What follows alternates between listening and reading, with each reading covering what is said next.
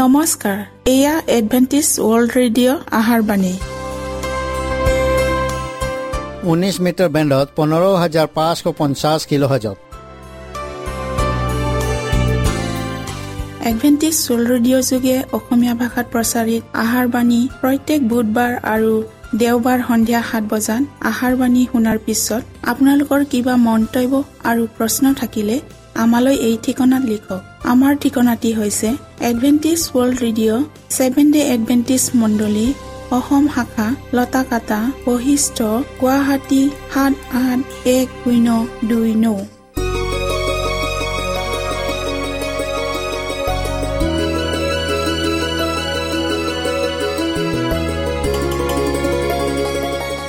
প্ৰিয় শ্ৰোতা বন্ধুসকল এতিয়া শুনো আহক এটি খ্ৰীষ্টীয় ধৰ্মীয় গীত। কেতিয়ানো ঘূৰি আহিব বুলি প্ৰভুৱে বাচাই আছে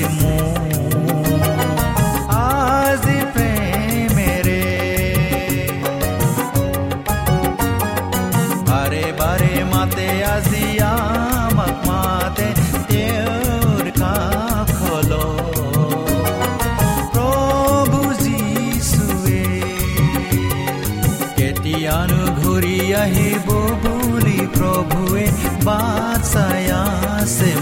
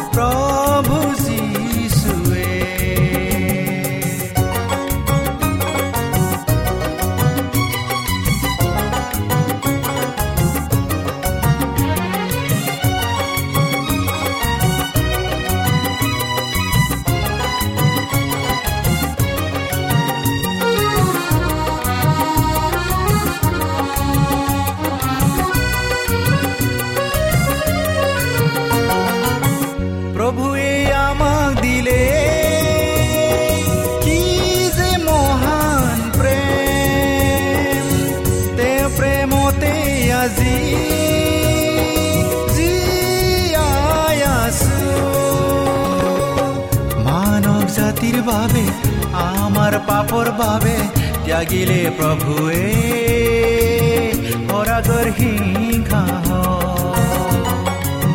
মানৱ জাতিৰ বাবে আমাৰ পাপৰ বাবে ত্যাগিলে প্ৰভুৱে সৰাগৰ সিংহা কেতিয়ানো ঘূৰি আহিব বুলি প্ৰভুৱে বাচাই আছে মোক আজি প্ৰেমেৰে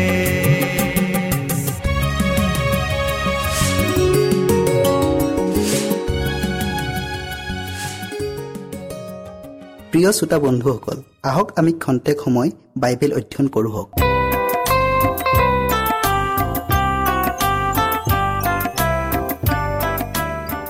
আমাৰ আজিৰ বিষয়টি পৃথিৱীৰ পৰিচিত এটা চৰিত্ৰ। ফিলিপিয়া দুই অধ্যায়ৰ চৈধ্য আৰু পোন্ধৰ পদটো লোৱা হৈছে। যি কুটিল আৰু বিপদগামী লোকৰ মাজত তোমালোকে জীৱনৰ বাক্য ধাৰণ কৰি জগতত দীপ্তিস্বৰূপে প্ৰকাশ পাইছা। তেওঁবিলাকৰ মাজত তোমালোক নিৰ্দোষী আৰু শুদ্ধ হৈ ঈশ্বৰৰ নিষ্কলংক সন্তান হ'বৰ কাৰণে বিবাদ আৰু তৰ্ক বিতৰ্ক নোহোৱাকৈ সকলো কৰ্ম কৰা। আমি প্ৰাৰ্থনা কৰোঁ হওক। স্বৰ্গত থকা জীৱনময় গৰাকী ত্ৰাণকৰ্তা ঈশ্বৰ জেহুৱা ধন্যবাদ প্ৰভু তোমাৰ অনুগ্ৰহ আৰু আশীৰ্বাদৰ বাবে। হে প্ৰভু এতিয়া তুমি আমাৰ লগত থাকা। আৰু পবিত্ৰ আত্মা দান কৰা। এই চুটি যাচনা ত্ৰাণকৰ্তা প্ৰভুৰ যীশুৰ নামত খুজিলো। আমেন। এইটো ঈশ্বৰৰ উদ্দেশ্য যে তেওঁৰ ৰাজ্যৰ যি গুণৰাজী আৰু নীতি সেইবোৰ যেন তেওঁৰ নিজৰ লোকসমূহৰ মাজেৰে প্ৰদৰ্শিত হয়। সিহঁতৰ জীৱনত আৰু সিহঁতৰ চৰিত্ৰত এই গুণবোৰ নীতিবোৰ সিহঁতে প্ৰকাশ কৰিব লাগিব। সিহঁতৰ পৰস্পৰাগত নীতি কু অভ্যাস আৰু জগতৰ অসৎ আচৰণবোৰৰ পৰা তেওঁ সিহঁতক পৃথক কৰিব বিচাৰে আৰু জগতৰ অসৎ আচৰণবোৰৰ পৰা তেওঁ সিহঁতক পৃথক কৰিব বিচাৰে। তেওঁৰ মণ্ডলীত প্ৰকাশ পোৱা ধৰ্মপৰায়ণতা ন্যায়পৰায়ণতা প্ৰেম প্ৰীতি আদি ঈশ্বৰীয় গুণবোৰক চাই জগতে ঈশ্বৰৰ চৰিত্ৰক দেখিব আৰু সিহঁতে ঈশ্বৰৰ চৰিত্ৰৰ প্ৰতিনিধি হ'ব পাৰিব।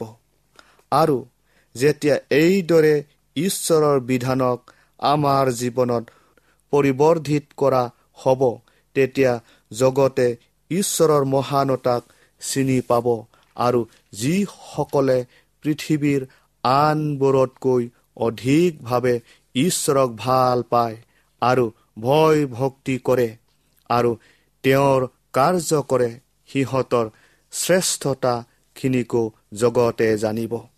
খ্ৰীষ্টানসকল আনতকৈ অধিক ধৰ্মনিষ্ঠা ঈশ্বৰ ভক্তি পৰায়ণ আৰু অন্তৰৰ আৰু বাৰ্তালাপত অধিক পবিত্ৰ হ'ব লাগিব। পতীত জগতত প্ৰচাৰ কৰিবলৈ আটাইতকৈ অধিক পবিত্ৰ সত্যতাটোক সিহঁতৰ হাতত অৰ্পণ কৰা হৈছে। সকলো প্ৰকাৰৰ পাবলগীয়া অনুগ্ৰহ আৰু শক্তি আৰু যোগ্যতাখিনিক উদাৰভাৱে মুক্ত হস্তে যোগান ধৰা হৈছে। মেঘ ৰথেৰে নামি আহিব লগা কৃষ্টক সিহঁতে চাই আছে। সিহঁতে এই কথাটো জগতক ক'ব লাগিব যে আমাৰ বিশ্বাসেৰে আমি জগতক এক গভীৰ সাজ বহুৱাব লাগিব আৰু অপশক্তিবোৰক দমন কৰি ৰাখিব লাগিব। আৰু আমাৰ আচাৰ ব্যৱহাৰ চলন পূৰণ খাৱন সোৱন আদিৰ দ্বাৰাই মহান ঈশ্বৰক যেন কেতিয়াও অসন্মান কৰা নহয়। ছয়তানৰ প্ৰলোভনৰ শক্তিৰ প্ৰকোপ বৃদ্ধি হোৱাৰ বাবে আমি বাস কৰা পৃথিৱীখনৰ বৰ্তমান অৱস্থা অতি বিপদাপন্ন বিশেষকৈ ঈশ্বৰৰ সন্তানসকলৰ বাবে অতি ভয়ংকৰ।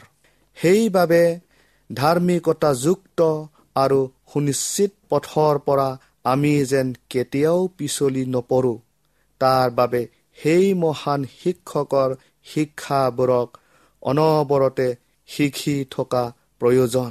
আচৰিত দৃশ্যবোৰ আমাৰ চকুৰ আগত দেখা দিছে আৰু এই সময়ত ঈশ্বৰৰ মানুহখিনিয়ে নিজৰ জীৱনত এক জীৱন্ত সাক্ষ্য দিব পাৰিব লাগিব যাতে জগতবাসীয়ে এইটো দেখা পায় যে এনেকুৱা এক কুটিল আৰু বিপদগামী যুগতো য'ত সকলো ফালৰ পৰা অধৰ্ম অসততা দুৰ্নীতি দুষ্ট কাৰ্য আদিৰে পৰিপূৰ্ণ তেনে এক যুগতো তেওঁবিলাকে ঈশ্বৰৰ ইচ্ছাক ধৰি ৰাখিছে। ঈশ্বৰৰ বিধান মানিব পাৰিছে। তেওঁবিলাকৰ চিত্ৰত যে ঈশ্বৰৰ বিধান লিখা হ'ল তাক তেওঁবিলাকে দেখুৱাব পাৰিব লাগিব। তেওঁবিলাকৰ চিন্তাধাৰা পবিত্ৰ হ'ব লাগিব।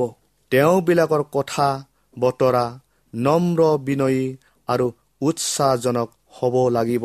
খ্ৰীষ্টৰ ধৰ্মটো তেওঁবিলাকৰ হাতে কামে কথাই বতৰাই স্বভাৱে চৰিত্ৰই চলনে পুৰণে খাৱনে শুৱনে সকলো ক্ষেত্ৰতে প্ৰকাশিত হ'ব লাগিব। তেওঁবিলাক পবিত্ৰকৃত পৰিশুদ্ধ ধাৰ্মিক পবিত্ৰ মানুহত পৰিণত হ'ব লাগিব। তাতে তেওঁবিলাকে যিসকলৰ লগত আদান প্ৰদান কৰে যাতে তেওঁবিলাকে যিসকলৰ লগত আদান প্ৰদান কৰে সিহঁতৰ মাজত পোহৰ বিলাব পাৰে। নিজৰ জীৱনৰ আদৰ্শৰে যেন তেওঁবিলাকে পৰম সত্যতাটোক দেখুৱাই দিব পাৰে। আৰু জগতৰ মানুহে যেন তেওঁবিলাকৰ এনে সৎ আচৰণ এনে গুণৰাজি দেখি বাহ বাহ দিব পাৰে। আমাৰ ঈশ্বৰৰ উদ্দেশ্য এয়াই এইবোৰ দিবলৈ খ্ৰীষ্টৰ অনুগ্ৰহখিনিয়ে যথেষ্ট। মাত্ৰ আমি তেওঁৰ ইচ্ছাৰ নিচিনাকৈ চলিবলৈ বাধ্য হ'ব লাগিব। দ্বিতীয় কৰিন্থিয় তিনি অধ্যায়ৰ দুই পদটো আমি চাওঁ হওক।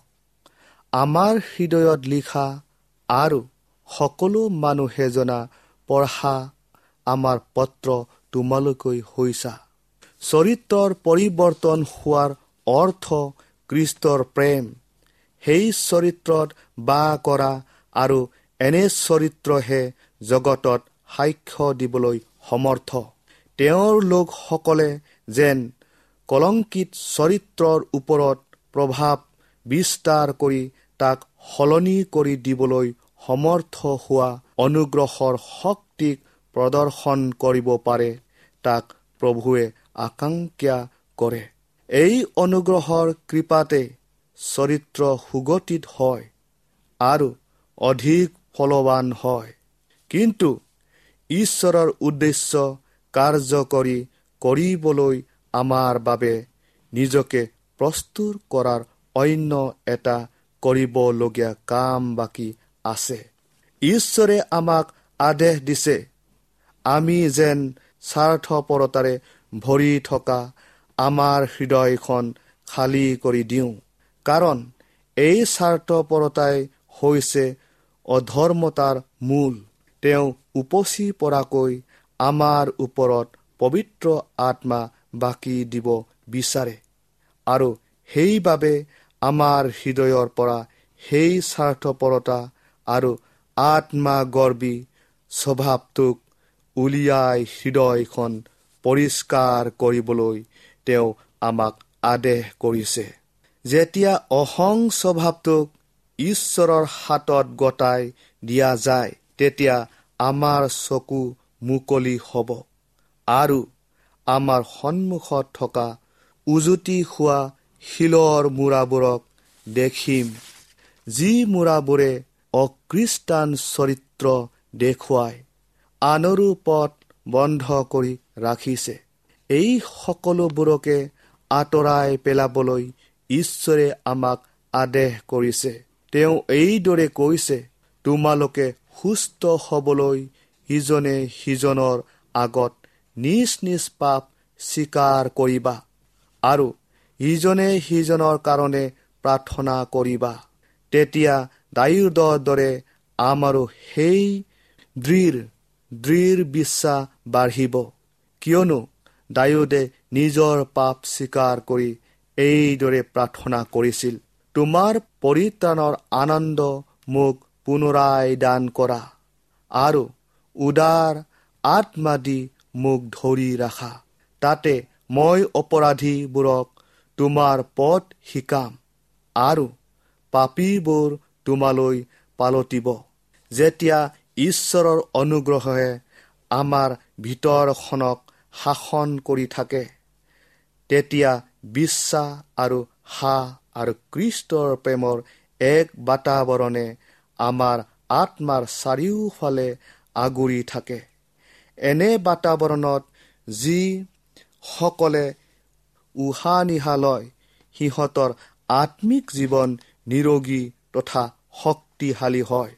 কৃষ্টৰ ক্ষমতাশীল প্ৰেমৰ ভাগি হোৱা প্ৰতিজন ব্যক্তি ঈশ্বৰৰ আত্মা দ্বাৰা শিক্ষিত হোৱা প্ৰতিজন ব্যক্তি আৰু সত্যতা গ্ৰহণ কৰা প্ৰতিগৰাকী ব্যক্তিয়ে নিজেই পোৱা বহু মূল্যৱান আশীৰ্বাদৰ বাবে সেইসকল ব্যক্তিলৈ চিৰকৃতজ্ঞ হৈ ৰ'ব যিসকলৰ যোগেদি তেওঁ এই আশীৰ্বাদ পালে।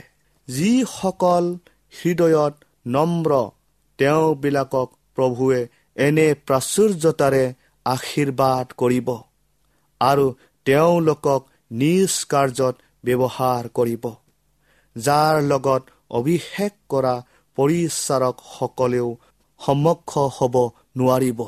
তেওঁবিলাকে এনে উপদেশ দিব যি উপদেশ কৃষ্টৰ ত্ৰাণকাৰী অনুগ্ৰহক প্ৰকাশ কৰিব আৰু আনক আশীৰ্বাদ প্ৰাপ্ত কৰাৰ দ্বাৰা নিজেও আশীৰ্বাদৰ ভাগি হ'ব।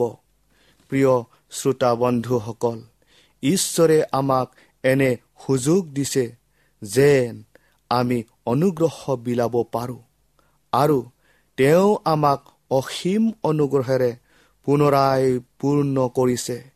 ঈশ্বৰে আমালৈ প্ৰদান কৰা সুবিধা আৰু অতিভাৰ দ্বাৰা আমাৰ আশা আৰু বিশ্বাস অধিক শক্তিশালী হয় আৰু ঈশ্বৰৰ কাৰ্য কৰিবলৈ অধিক অনুপ্ৰেৰণা পোৱা যায়। আমাৰে সৈতে একেলগে কাম কৰিবলৈ তেওঁ ঐশ্বৰিক অনুচৰ বৰ্গকো সাজু কৰি ৰাখে।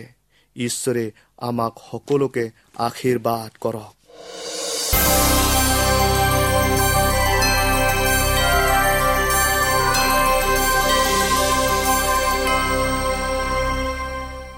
আমাৰ আজিৰ বিষয়টি হ'ল প্ৰবঞ্চনা হৈছে ছয়তানৰ উৎকৃষ্ট ৰচনা। বাইবল পতি লোৱা হৈছে। দ্বিতীয় বিৱৰণ ঊনত্ৰিছ অধ্যায়ৰ ঊনত্ৰিছ পদ। নিগ্ৰীৰ বিষয়বোৰ আমাৰ ঈশ্বৰ হোৱাৰ অধিকাৰ। কিন্তু আমি যেন এই ব্যৱস্থাৰ আটাই বাক্য অনুসাৰে কাৰ্য কৰোঁ এই নিমিত্তে প্ৰকাশিত বিষয়বোৰ আমাৰ আৰু আমাৰ সন্তানবিলাকৰ যোগে যোগে অধিকাৰ আছে। আমি প্ৰাৰ্থনা কৰোঁ হওক। সেই সৰ্বশক্তিমান প্ৰভু পুনৰাই আজি তোমাৰ বাক্য শুনিবলৈ এই সুযোগ দিলা তাৰ বাবে তোমাক ধন্যবাদ জনাইছোঁ। প্ৰভু আমি যি বিষয়টিলৈ অধ্যয়ন কৰিম সেই বিষয়টিলৈ বুজিবলৈ আমাক জ্ঞান আৰু বুদ্ধি দিয়া। সকলো হৃদয় পবিত্ৰ আত্মাৰ যোগেদি স্পৰ্শ কৰি দিয়া। প্ৰভু যীশু খ্ৰীষ্টৰ নামত খুজিলোঁ।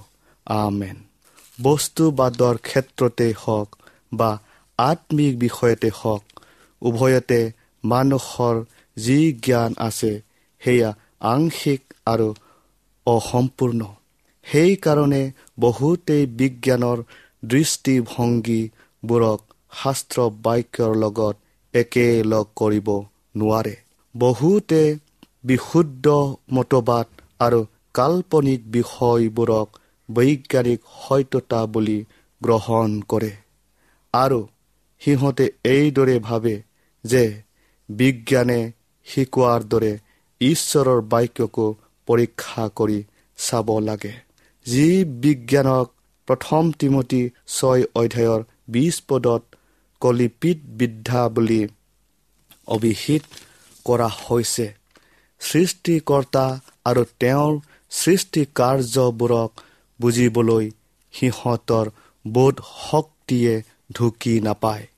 আৰু যিহেতু সিহঁতে ইয়াক বিজ্ঞানৰ সূত্ৰৰ সহায়ৰ বাক্য কৰিব নোৱাৰে সেইবাবে বাইবেলখন বিশ্বাসযোগ্য পুতি নহয় বুলি তেওঁলোকে ক'ব খোজে। যিসকলে বাইবেলৰ পুৰণি নিয়ম আৰু নতুন নিয়মত লিপিবদ্ধ নিৰ্ভৰযোগ্য আৰু বিশ্বাসযোগ্য নথি পত্ৰসমূহক সন্দেহ কৰে। তেওঁবিলাকে আৰু একোচ আগুৱাই ঈশ্বৰৰ থকা কথাটো আৰু প্ৰকৃতিত যে তেওঁৰ অসীম শক্তি নিহিত আছে সেই কথাটোকে সন্দেহ কৰে। সিহঁতে সিহঁতৰ লংগৰবোৰক গভীৰতালৈ পেলাই দি অধাৰ্মিকতাৰ শিলত খুন্দা খায়। প্ৰিয়সকল এইদৰে বহুতে বিশ্বাসৰ পৰা খহি পৰি পদভ্ৰষ্ট হয় আৰু দুষ্ট দূতৰ দ্বাৰা প্ৰতাৰিত হয়। বিশ্ব ব্ৰহ্মাণ্ডৰ সৃষ্টিৰ ৰহস্যক ইয়াৰ জীৱ জন্তু উদ্ভিদ আদিৰ সৃষ্টিৰ ৰহস্যক উদঘাটন কৰিবলৈ আৰু তাৰ সঠিক ব্যাখ্যা কৰিবলৈ মানৱ দৰ্শনে বহু যুগ ধৰি চেষ্টা কৰি আহিছে। কিন্তু কেতিয়াও সম্পূৰ্ণকৈ কৃতকাৰ্য হ'ব পৰা নাই। ঈশ্বৰে যিদৰে নিজকে পৰিচয় দিছে সেইখিনিক আৰু তেওঁৰ উদ্দেশ্যক মানুহে যদি বিচৰা হ'লেহেঁতেন আৰু বুজাহেঁতেন তেন্তে তেওঁবিলাকে এনে এটা দৰ্শন লাভ কৰিলেহেঁতেন যাৰ দ্বাৰা ঈশ্বৰ যি হোৱাৰ মহিমা মহত্ব আৰু শক্তিক চিনি পালেহেঁতেন আৰু নিজৰ সীমাবদ্ধতাক অলপ জ্ঞানক উপলব্ধি কৰিব পাৰিলেহেঁতেন। আৰু তেতিয়া ঈশ্বৰে যিখিনিক প্ৰকাশ কৰিছে সেইখিনিতে সন্তুষ্ট থাকিলেহেঁতেন। ঈশ্বৰে যি বিষয়বোৰৰ বিষয়ে আমাক জনোৱা নাই আৰু যি বিষয়বোৰক আমি বুজি পোৱাটো তেওঁ ইচ্ছা নকৰে তেনে সেই বিষয়বোৰক বিচৰা কাৰ্যত তেনে বিষয়বোৰ বিষয়ে আন্দাজ কৰা কাৰ্যত মানুহৰ মনবোৰ ব্যস্ত থাকে। তাৰ বাবে ছয়তানে এক উৎকৃষ্ট অপূৰ্ব সুন্দৰ প্ৰতাৰণা জাল ৰচনা কৰিছে। প্ৰিয়সকল ঈশ্বৰে ইচ্ছা নিবিচৰা বিষয়টোক বিচৰাৰ ফলতে লুচিফাৰে স্বৰ্গখন হেৰুৱাই লৈছিল। সি অসন্তুষ্ট হৈছিল কাৰণ ঈশ্বৰৰ উদ্দেশ্যক আটাই ৰহস্যক তাক জনোৱা হোৱা নাছিল আৰু যি মৰ্যাদা পূৰ্ণ আসন তাক প্ৰদান কৰা হৈছিল আৰু তাৰ ওপৰত যি দায়িত্ব অৰ্পণ কৰা হৈছিল তাক সমূলি অৱজ্ঞা কৰিছিল। একেদৰে স্বৰ্গদূতৰ মাজত সি অসন্তুষ্টিৰ এক ভাৱনা সৃষ্টি কৰি সিহঁতক পাপত পতীত কৰাইছিল। এতিয়া সেই একে চলনাৰে মানুহৰ মনবোৰক পুচলাই ঈশ্বৰৰ বিধানৰ প্ৰত্যক্ষ বিৰোধ কৰি অগ্ৰাহ্য অৱজ্ঞা কৰি নিজৰে সৈতে নৰকত পেলাব খুজিছে। পাচনি কৰ্ম এক অধ্যায়ৰ সাত পদটো আমি আকৌ চাওঁ হওক। তেওঁ তেওঁলোকক ক'লে যি যি কাল যি যি সময় পিতৃয়ে নিজৰ ক্ষমতাৰে স্থাপন কৰিলে সেইবোৰ তোমালোকে জানিবলৈ নোপোৱা। ঈশ্বৰে নিজ ক্ষমতাৰে সময় আৰু কাল স্থাপন কৰিলে। ঈশ্বৰে বাৰু এই বিষয় জানিবলৈ কিয় জ্ঞান নিদিলে? কিয়নো যদি তেওঁ আমাক ইয়াক দিলেহেঁতেন আমি ইয়াক সৎ ব্যৱহাৰ নকৰিলেহেঁতেন। যদি সঁচাকৈয়ে সময় আৰু কালৰ বিষয়ে মানুহৰ জ্ঞান থকাহেঁতেন সেই মহাদিনটোৰ বাবে কৰা প্ৰস্তুতিৰ কামত এটা প্ৰকাণ্ড প্ৰতিবন্ধকতাৰ সৃষ্টি হ'লেহেঁতেন। যীশুৱে নিজৰ শিষ্যসকলক পৰ দি থাকিবলৈ কৈছিল। কিন্তু নিৰ্দিষ্ট সময় কথা কোৱা নাছিল। তেওঁৰ অনুসৰণকাৰীসকল এনেকুৱা হোৱা উচিত যি নিজৰ চলাওঁতাজনৰ আদেশ পালন কৰিবলৈ সদায় প্ৰস্তুত থাকে। সিহঁতে পৰ দি থাকিব লাগিব বাট চাব লাগিব প্ৰাৰ্থনা কৰিব লাগিব আৰু তাৰ লগতে কাম কৰি যাব লাগিব। আৰু এইদৰে প্ৰভু অহাৰ সময়লৈ সকলো মুহূৰ্ততে প্ৰস্তুত থাকিব লাগিব। কিন্তু সেই সময় কেতিয়া হ'ব তাৰ বিষয়ে ভৱিষ্যতবাণী কোনেও ক'ব নোৱাৰে। কাৰণ সেই সময় আৰু কাল কোনো মানুহৰ অৱগত নহয়। তেওঁ এক দুই নাইবা পাঁচ বছৰৰ পিছত আহিব বুলি নাইবা দহ অথবা বিছ বছৰৰ পিছত আহিব পাৰে বুলি কোনো এটাকে আপুনি ক'বলৈ নোৱাৰিব। পবিত্ৰ আত্মাৰ বৰষুণ নাইবা খ্ৰীষ্টৰ আগমন কোনো এটা বিষয়েৰে সঠিক সময়ৰ বিষয়ে আমাক জনোৱা হোৱা নাই। প্ৰিয়সকল পুৰণি জেৰুচালেমলৈ যোৱাটো সিহঁতৰ কাৰ্য বুলি বিশ্বাস কৰি ডাঙৰ ভুল কৰা কিছুমান ব্যক্তিয়ে ভাবিছিল। এই লোকে ভাবিছিল যে প্ৰভুৰ অহাৰ আগতে তাত হেনো সিহঁতৰ কিবা কৰিবলগীয়া কাম আছে। এনেকুৱা দৃষ্টিভংগীয়ে তৃতীয় স্বৰ্গদূতৰ বাণীৰ আধাৰত বৰ্তমান সময়ত প্ৰভুৰ বাবে কৰিবলগীয়া কামৰ পৰা সিহঁতৰ মন আৰু মনোযোগবোৰক আঁতৰি লৈ গৈছিল। কাৰণ জেৰুচালেমলৈ সিহঁতৰ যাবলগীয়া আছে বুলি যিবিলাকে ভাবে তেন্তে সিহঁতৰ মনবোৰো তাতেই লাগি থাকিব আৰু তাৰ ফলত নিজৰ বাবে আনৰ বাবেও যি সত্যতা সিহঁতে প্ৰচাৰ কৰিবলগীয়া আছিল সেই প্ৰচাৰৰ কাম লেহেমীয়া হ'ব। নাইবা বন্ধ হৈ যাব। প্ৰিয়সকল এনেকুৱা অগা পিছা কৰা মিছনে কোনো ভাল কাম নকৰে। যিদৰে যিহুদীসকলক পতিয়ন পতিয়ন নিয়াবলৈ বহু সময় লাগিছিল তথাপিও খ্ৰীষ্টৰ প্ৰথম আগমনক বিশ্বাস কৰা খুব কম সংখ্যক যিহুদীহে উলিয়াইছিল। তেন্তে তেওঁৰ দ্বিতীয় আগমনক বিশ্বাস কৰা লোক কিমান ওলাব? ঈশ্বৰে আমাক সকলোকে আশীৰ্বাদ কৰক।